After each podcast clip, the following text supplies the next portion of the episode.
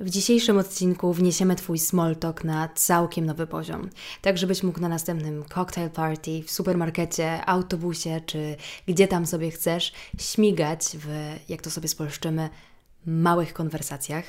Dobra, nie będziemy chyba jednak spolszczać, zostajemy przy small talku. I myślę, że spokojnie mogę Wam zagwarantować, że po wysłuchaniu tego odcinka Wasz pogląd na to, czym small talk jest, czym nie jest, czym powinien być, całkowicie się zmieni. A jeśli tak nie będzie, to zawsze możecie go gdzieś tam, wiecie, zhejtować, zareklamować. Sekcja komentarzy jest do Waszej dyspozycji. Ale oczywiście mam nadzieję, że do tego nie dojdzie. Zacznę z grubej rury, bo od skonfrontowania się ze wszystkimi ludźmi, którzy uważają, że small talk jest absolutnie do wywalenia, że jest niepotrzebny, że jest to tylko pusta konwersacja, która prowadzi donikąd, nic nie wnosi, jest męcząca i jest tylko jednym wielkim społecznym skryptem. I okej, okay, może tym być, ale ja jako psycholog widzę ogromną wartość w tym, żebyśmy smoltokowali, ile wlezie i jak często tylko przyjdzie nas na to ochota. Jest jedno konkretne badanie, które zmieniło sposób, w jaki postrzegam small talk o 180 stopni. Tak właściwie są dwa badania i chciałabym je teraz e, Wam przytoczyć. Jedno z nich to jest fenomenalne badanie o też fenomenalnym tytule, bo e, zatytułowane jest Mistakenly Seeking Solitude, co przetłumaczyłabym jako szukanie samotności przez pomyłkę albo bardziej, e, żeby was, Wam też e, już nakreślić, o czym było w ogóle to badanie, to przetłumaczyłabym to jako wybieranie samotności z niewiedzy. I co oni tam przebadali? Kiedyś nagram w ogóle cały oddzielny odcinek podcastu na temat tego badania, bo uważam, że jest no prześwietne i im więcej osób o nim usłyszy, tym lepiej. Więc e, badacze przebadali grupę ludzi, którzy dojeżdżali do pracy pociągiem podzielili tych e, ludzi na dwie grupy. No jedną, która miała dojeżdżać tak jak zwykle, czyli pewnie czytać książkę, słuchać muzyki, patrzeć e, za okno, a druga grupa miała zrobić coś odwrotnego do tego, co robili zwykle i miała zagadać do nieznajomego. I zanim to się stało, to zrobili jeszcze badanie kwestionariuszowe i zapytali, jak uważasz, Mm, będziesz się czuł, co ci to da, że zagadasz e, do tej osoby, do tego obcego siedzącego w pociągu. I większość badanych odpowiedziało, że będzie to raczej negatywne doświadczenie i że wcale nie mają ochoty na small talk, wcale nie mają ochoty gadać do jakichś obcych ludzi w pociągu, jeszcze w drodze do pracy. Natomiast Wyniki tego badania były zaskakujące, bo okazało się, że osoby, które były w tej drugiej grupie, w tej, która zdecydowała się na small talk, były dużo szczęśliwsze były dużo bardziej zadowolone ze swojego dnia. I dla mnie to jest niesamowite, bo ja jestem osobą, która oscyluje gdzieś pomiędzy zagadywaniem do obcych na ulicy, w sensie zagadywaniem, no po prostu takich, wiecie, ludzkich interakcjach, które gdzieś naturalnie się pojawiają podczas dnia, a tym, że czasami zakładam słuchawki na uszy i mnie po prostu nie ma tam, gdzie jestem fizycznie. Myślami jestem gdzieś zupełnie indziej i wtedy myślę, że tracę okazję na bardzo dużo interakcji. I to, co gdzieś próbuje nam przekazać to badanie, to to, że ludzie często przez pomyłkę niemalże wybierają samotność, bo jest to opcja mimo wszystko łatwiejsza niż nawiązanie kontaktu wzrokowego z nieznajomym, nawiązanie konwersacji, zaczęcie tego small talku. Mimo wszystko dużo łatwiej jest nam założyć słuchawki, e, spojrzeć się za okno czy e, wgapiać się w książkę. I dobra, ja też nie mam ochoty gadać do każdego i do wszystkich, i czasami wybieram tą samotność, ale myślę, że dużo częściej wybieram ją, kiedy jestem nie w humorze, kiedy mam już ochotę, żeby wszyscy mnie zostawili i mam ochotę być tylko ze swoimi myślami. A myślę, że to jest znowu ten błąd, który popełniał, ten błąd samotności, gdzie być może pozytywna interakcja z drugim człowiekiem poprawiłaby mój humor i odmieniłaby tą passę złego dnia. I Zainspirowana e, tym badaniem, zaczęłam e, intencjonalnie zagadywać do obcych ludzi, albo bardziej być gotowa i taka reaktywna i otwarta e, na ludzi, którzy są wokół mnie. I jest jeszcze jedno badanie, które przyczyniło się do tej zmiany. Badanie, o którym chyba wspominałam Wam w poprzednim odcinku podcastu o projektowaniu szczęśliwego życia. Jeżeli nie słuchaliście jeszcze dziewczyn z Nelson's Row, to bardzo polecam. I mówiłam tam dużo o tym, jak jakościowe relacje, cynamonowe relacje przekładają się nasz, na nasz poziom szczęścia. Natomiast wspomniałam też o właśnie tym badaniu, gdzie udowodniono, że nie tylko jakość relacji, ale również ilość relacji ma znaczenie, jeżeli chodzi o postrzegane szczęście, natomiast nawet nie relacji. To jest bardzo ciekawy wniosek. Okazuje się, że ilość pozytywnych interakcji, które mamy podczas dnia, wpływa na nasz postrzegany poziom szczęścia. I im więcej pozytywnych interakcji, tym szczęśliwsi ludzie, tym bardziej zadowoleni ze swojego dnia. I tutaj chodzi czasami o najprostsze interakcje, o uśmiech do nieznajomego, o bardzo właśnie płytki small talk z panią, która sprzedaje Wam kawę. To mogą być najprostsze rzeczy, kiedy wykładowca jest Wam tego dnia przychylny. I ja, żeby nie być tu gołosłowną, naprawdę otworzyłam się na większą ilość small talku z nieznajomymi i na przykład miałam kilka naprawdę sprawiających mi przyjemność rozmów nie tylko z ludźmi, których gdzieś tam na przykład poznałam randomowo na surfingu, ale też z kierowcami Ubera e, i z Bolta. I w ogóle, no to były przeciekawe konwersacje, które no, absolutnie nic nie wniosły do mojego życia, tak overall, ale wiecie, miałam okazję przez 15 dwadzieścia kilka minut porozmawiać z drugim człowiekiem. E, często tutaj w Lizbonie e, kierowcami są imigranci, e, na przykład z Brazylii, i przyjeżdżają tutaj z całymi swoimi rodzinami, więc czasami to są właśnie ojcowie rodzin. Ostatnio rozmawiałam z kolesiem, który był z Afryki, studiował w Londynie przez 5 lat, teraz buduje tutaj dom na Kaparicy i tak sobie jeździ też tym Uberem. No, przy ciekawych rzeczy można dowiedzieć się o obcych ludziach, całkowicie obcych ludziach. I powiem Wam, że za każdym razem te konwersacje pozytywnie wpływały na mój dzień. Szczególnie taka jedna, gdzie wieczorem wracałam bardzo zmęczona i wzięłam tego Ubera tylko dlatego, że czułam się fatalnie. E, no i właśnie trafiłam na taką po prostu miłą konwersację, która sprawiła, że pomyślałam sobie, kurde, no jest okej. Okay. Druga kwestia, dla której warto jest smoltokować, to to, że język ma dwie warstwy – warstwę językową, która niesie informacje, i warstwę samego procesu, to jest warstwę, warstwę społeczną. I bardzo dużo rzeczy między ludźmi dzieje się właśnie na tym poziomie emocjonalnym, społecznym. I tutaj jest dla mnie game changer, że w Smalltalku nie chodzi o same słowa, nie chodzi o tą pierwszą warstwę, a właśnie o tą drugą. I nieważne, naprawdę to nie ma znaczenia, czy gadacie o pogodzie, czy o dobrym jedzeniu. E, liczy się to, że wasza interakcja z drugim człowiekiem jest pozytywna. Ma walencję, którą można by było wycenić na plus. I kiedy ktoś podchodzi do mnie i nawet gada jakieś straszne głupoty, to nie zawsze skupiam się na samych na samej treści tych słów, tylko często, a szczególnie jako psycholog, przekierowuję uwagę na proces tego, co się między nami dzieje.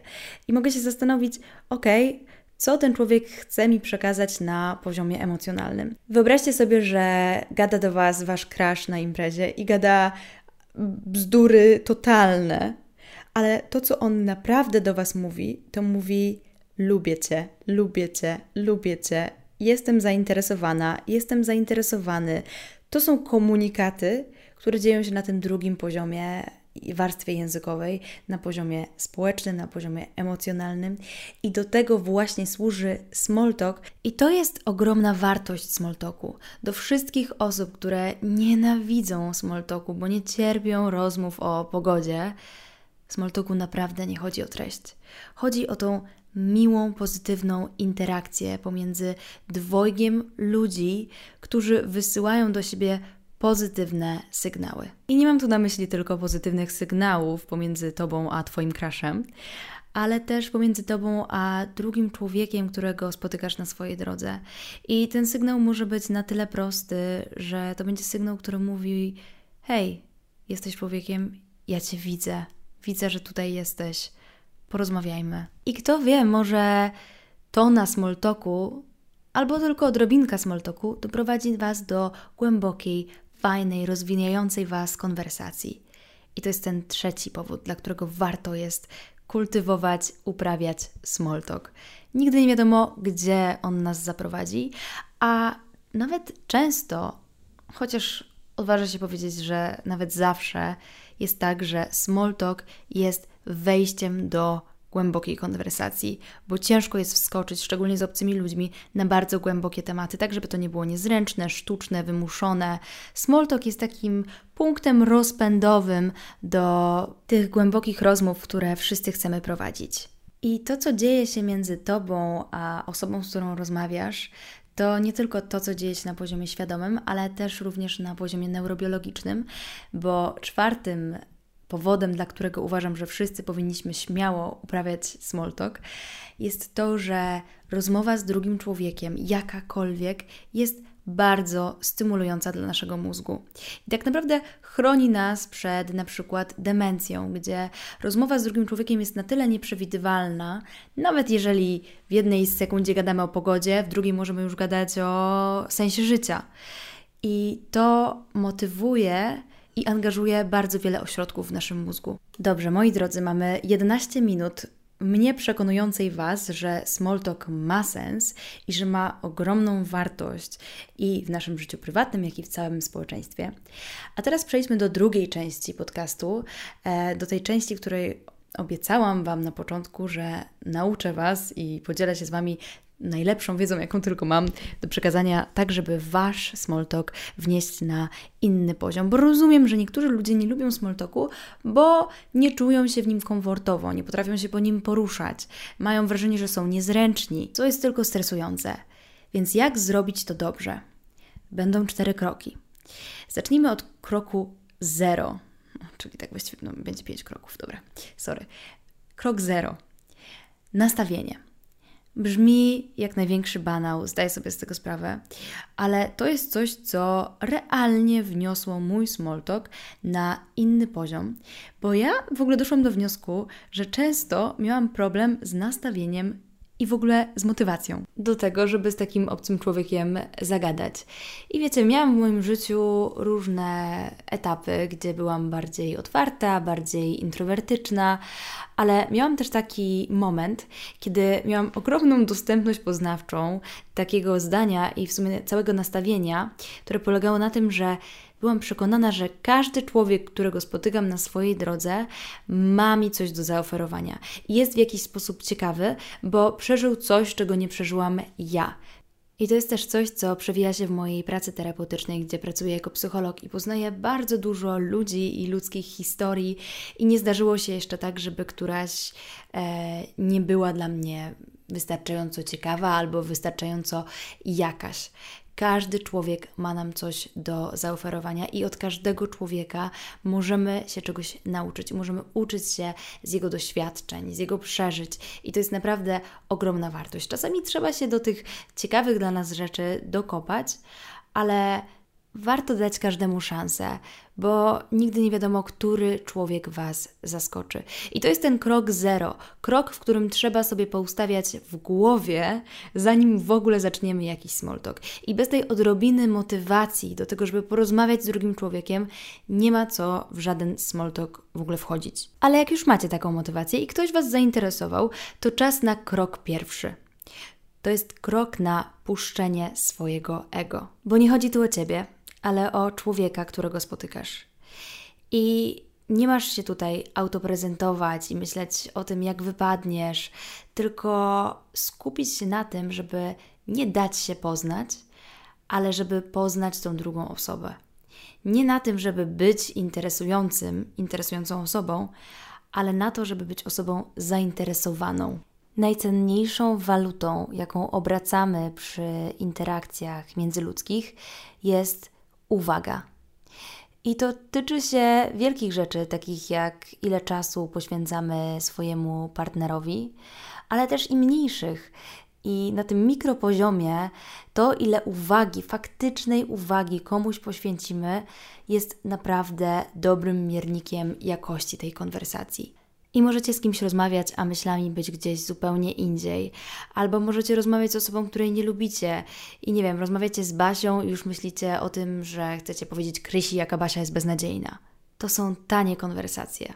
Nie wiem, czy pamiętacie z relacji cynamonowych. Mówiłam o konwersacjach, których nie dałoby się wycenić nawet na kilka złotych. Że szukamy tych głębokich, tych, które sprawiają, że czujemy się połączeni z drugim człowiekiem, a lądujemy w tych najtańszych to lądujemy w nich właśnie dlatego, że nie jesteśmy w stanie poświęcić drugiemu człowiekowi wystarczającej ilości naszej uwagi. A uwaga może doprowadzić Cię do ciekawości, do otwartości na drugiego człowieka, na danie Basi drugiej szansy. I poświęcona uwaga jest też bardzo nagradzająca dla osoby, która tą uwagę oferuje.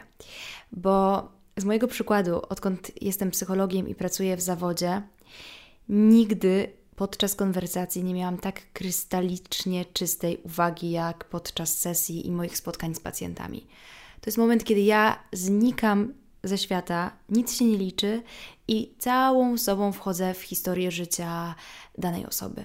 To jest coś niesamowitego. I tu chciałam podsumować, że to są właśnie te drogie konwersacje, ale zaraz e, przy użyciu tego typu słów pleje się na mnie hejt, że psychoterapia to w ogóle powinna być za darmo e, i psycholodzy powinni pracować e, z dobroci serca. Nie idźmy w tym kierunku i wskoczmy w drugi krok wnoszenia waszego smoltoku na kolejny level.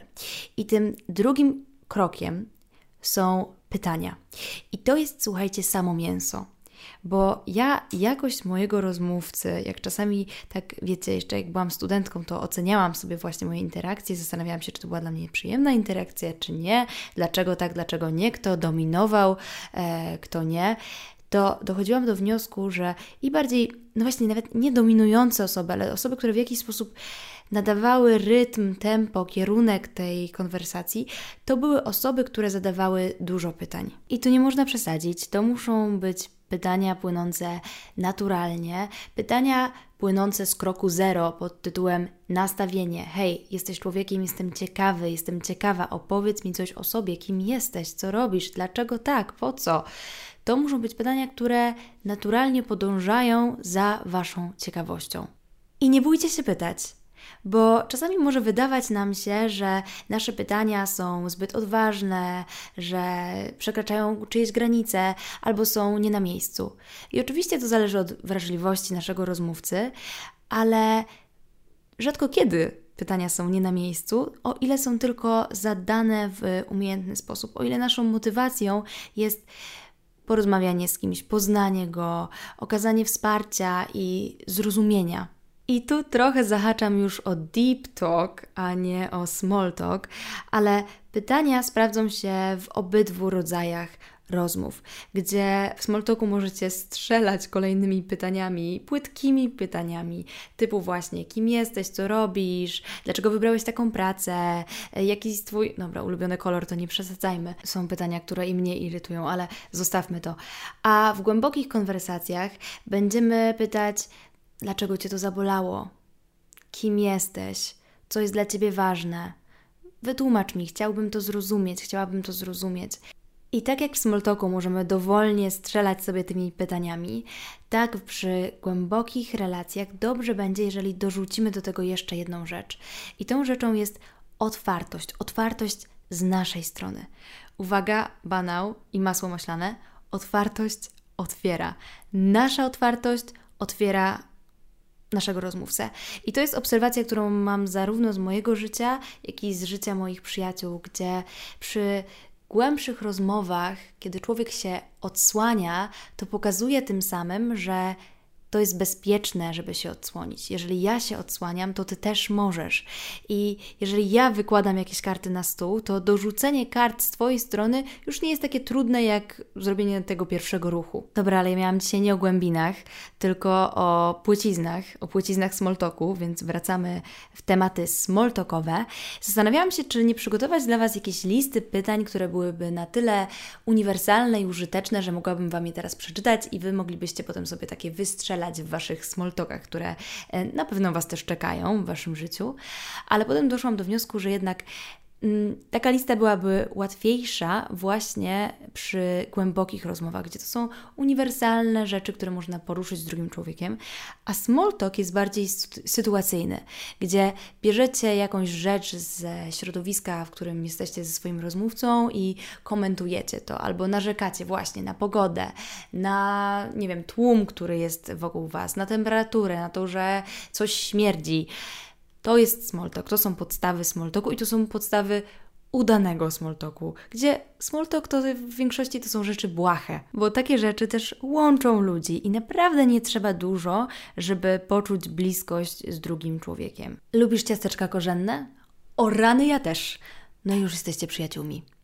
Albo możecie być wrogami ciasteczek korzennych, wtedy może nawet lepiej, chociaż chyba nie lepiej dla naszej relacji, bo ja akurat jestem fanką i ostatnio moja miłość do ciasteczek e, korzennych tylko rośnie. Jakbyście w ogóle chcieli mnie kiedyś przekupić, to najlepszym sposobem na to jest e, słoik skremowanych ciasteczek korzennych w postaci słoika biskowa. To tak wiecie, ku naszym przyszłym biznesom, nie wiadomo co się jeszcze tutaj w podcaście wydarzy. Ale tak, Rzeczy wspólne nas łączą, wspólny wróg nas łączy i łączy nas wspólne narzekanie, na przykład na przeciwników kremu z ciasteczek korzennych. A mówiąc nas, mam na myśli nas Polaków. Bo jako Polacy mamy skrypt narzekania i to jest skrypt łączący, to jest skrypt, który działa jak klej społeczny. Uwielbiamy narzekać na pogodę, na brak pieniędzy, na politykę i polityków. Nie wiem na co jeszcze, ale nie wiem, czy znam drugi taki naród, który by tyle narzekał, i naród, którym narzekanie byłoby akceptowalnym skryptem. To jest po prostu bardzo dobrze znany nam sposób komunikacji. I kurde, szkoda, że tyle small talku, który prowadzimy w codzienności, obraca się wokół narzekania. I chyba wszyscy zgodzimy się, że nikt nie lubi marud. Mam teraz przed oczami tego smerfa marudę. A jednak to jest coś, co łączy nas, łączy nas, nasz naród i łączy nasz smoltok narodowy. I tu wkraczamy w krok trzeci, który polega na tym, że Fajnie jest być świadomym. Świadomym tego, że komunikacja jest na tyle złożonym procesem, że nakłada nam się na nią bardzo wiele rzeczy, takich jak kultura, wychowanie, gotowe skrypty zachowań i tego, co powinno się, a nie powinno się, co można powiedzieć, a co nie można. I tu zgodzę się z tym, że część smalltalku, który uprawiamy, to jest smalltalk absolutnie nie prowadzący donikąd, bo to jest skryptowy smalltalk. To jest, Boże, ale dzisiaj pada, ale dzisiaj jest chlapa, ale szaruwa w tej Polsce, no masakra. I wiecie, można narzekać na właśnie pogodę, politykę, na zamknięcie najlepszej cukierni z najlepszymi ptysiami w Warszawie na chorzej, ale to jest średnio jakościowy smalltalk. To jest smalltalk, który nie pozwala nam za wiele dowiedzieć się o naszym rozmówcy. Dlatego w smoltoku nie trzeba wcale głęboko, ale nie można też jak popadnie. I nie można chwytać się czegokolwiek jak najszybciej, byle tylko zabić tą niezręczną ciszę.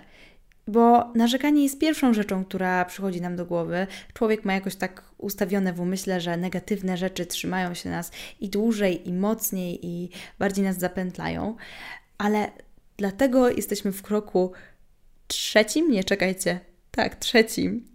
E, w wynoszeniu naszego smoltoku na wyższy level. I to jest krok, w którym jesteśmy świadomi tego, że na naszą komunikację wpływa nasze zmęczenie, nasz charakter, e, kultura, w której się wychowaliśmy, i my na te rzeczy będziemy nanosić poprawkę, po to, żeby nie pozwalać sobie na niechlujny i średnio jakościowy small talk. I kiedy zrozumiemy nasze indywidualne zachowanie i to skąd ono się bierze, to będziemy gotowi na wkroczenie w krok czwarty wchodzenia na wyższy poziom tajemniczenia w small talkowaniu. I to jest poziom, w którym no właśnie, mamy krok trzeci, więc rozumiemy siebie i swoje zachowania i wkraczamy na poziom kolektywny, na poziom grupy, gdzie zaczynamy rozumieć psychologię grupy. Tu chciałabym przytoczyć bardzo fajnego, ewolucyjnego psychologa, Robina Dunbara, e, który y, stworzył sobie taką teorię, którą bardzo skromnie nazwał sobie liczbą Dunbara, gdzie on wyliczył ilość relacji, e, które człowiek jest w stanie mieć podczas swojego życia. I to jest w ogóle bardzo ciekawa koncepcja, gdzie Dunbar twierdzi, że takich najbliższych relacji możemy mieć pięć, to są tacy nasi najbliżsi przyjaciele, rodzina, partner, potem to rozszerza się o grupę przyjaciół, gdzie mówię, że to jest 15, potem znajomi 35, potem 150, 500 i 1500, czyli osoby, których twarze kojarzymy, sławni ludzie, aktorzy yy, i tak dalej. I Dunbar też mówił o bardzo ciekawej rzeczy. Nie wiem, czy on był pierwszym człowiekiem, który o tym mówił, ale ogólnie jest trochę literatury na ten temat że jest też liczba, maksymalna liczba osób, które mogą brać czynny udział w konwersacji. I według naukowców są to cztery osoby. I teraz na czym polega rozumienie psychologii grupy? Na tym, że jeżeli jesteście, no już weźmy sobie znowu to cocktail party, od którego zaczęliśmy dzisiejszy odcinek, jesteście na imprezce i rozmawiacie z trzema znajomymi, jest Was w sumie czwórka i nagle podchodzi jedna osoba i wcina Wam się w rozmowę i próbuje z Wami też rozmawiać, to uwierzcie mi, że za kilka chwil będziecie mieli dwie odrębne ścieżki konwersacji, bo bardzo trudno jest prowadzić konwersację w pięć osób. W cztery osoby jeszcze to się da robić. Oczywiście większą ilość osób to też jest możliwe.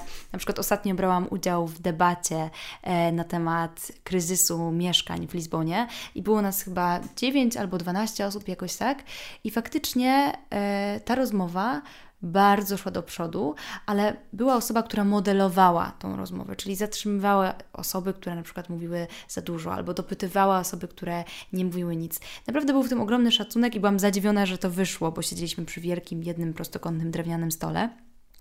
Ale normalnie zasada jest taka, że zazwyczaj są to cztery osoby.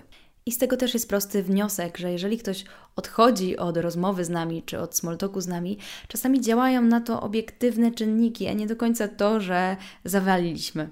I tutaj też chciałabym się zwrócić do wszystkich osób, które smalltalk i rozmowa z obcymi ludźmi bardzo stresuje i na przykład boją się tego, że zostaną ocenione albo że powiedzą coś głupiego. No to na, na ten lęk przed byciem ocenionym Najlepiej sprawdza się koncentracja na drugim człowieku, kiedy właśnie poświęcamy mu całą swoją uwagę i wtedy ten punkt ciężkości przenosimy na drugą osobę i to odciąga naszą zapędloną uwagę na naszych lękach od nas, od naszej osoby, na naszego rozmówcę, kiedy rozbudzamy w sobie ciekawość.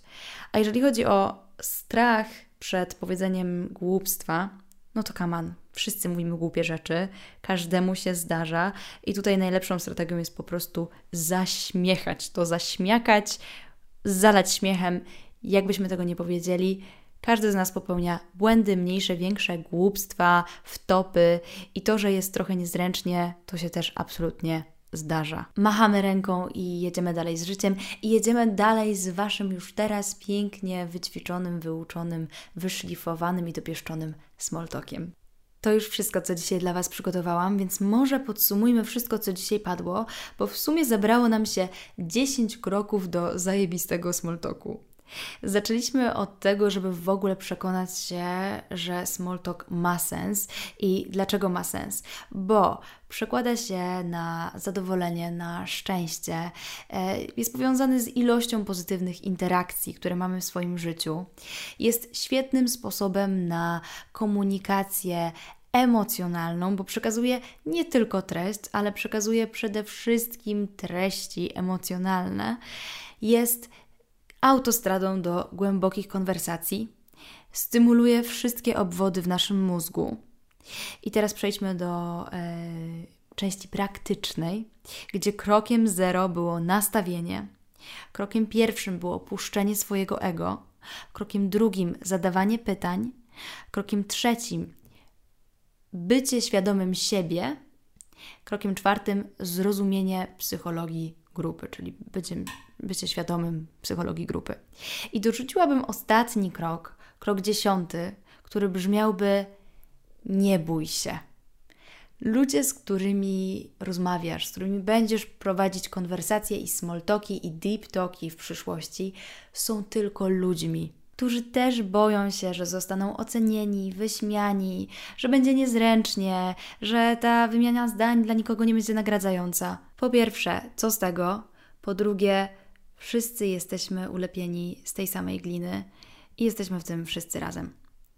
Dobra, zakończymy tym ho, patetycznym zdaniem, bo dzisiaj było bardzo mało patetycznie, to bardzo nie w moim stylu. E, więc takim miłym akcentem kończymy dzisiejszy odcinek i do usłyszenia w następnym.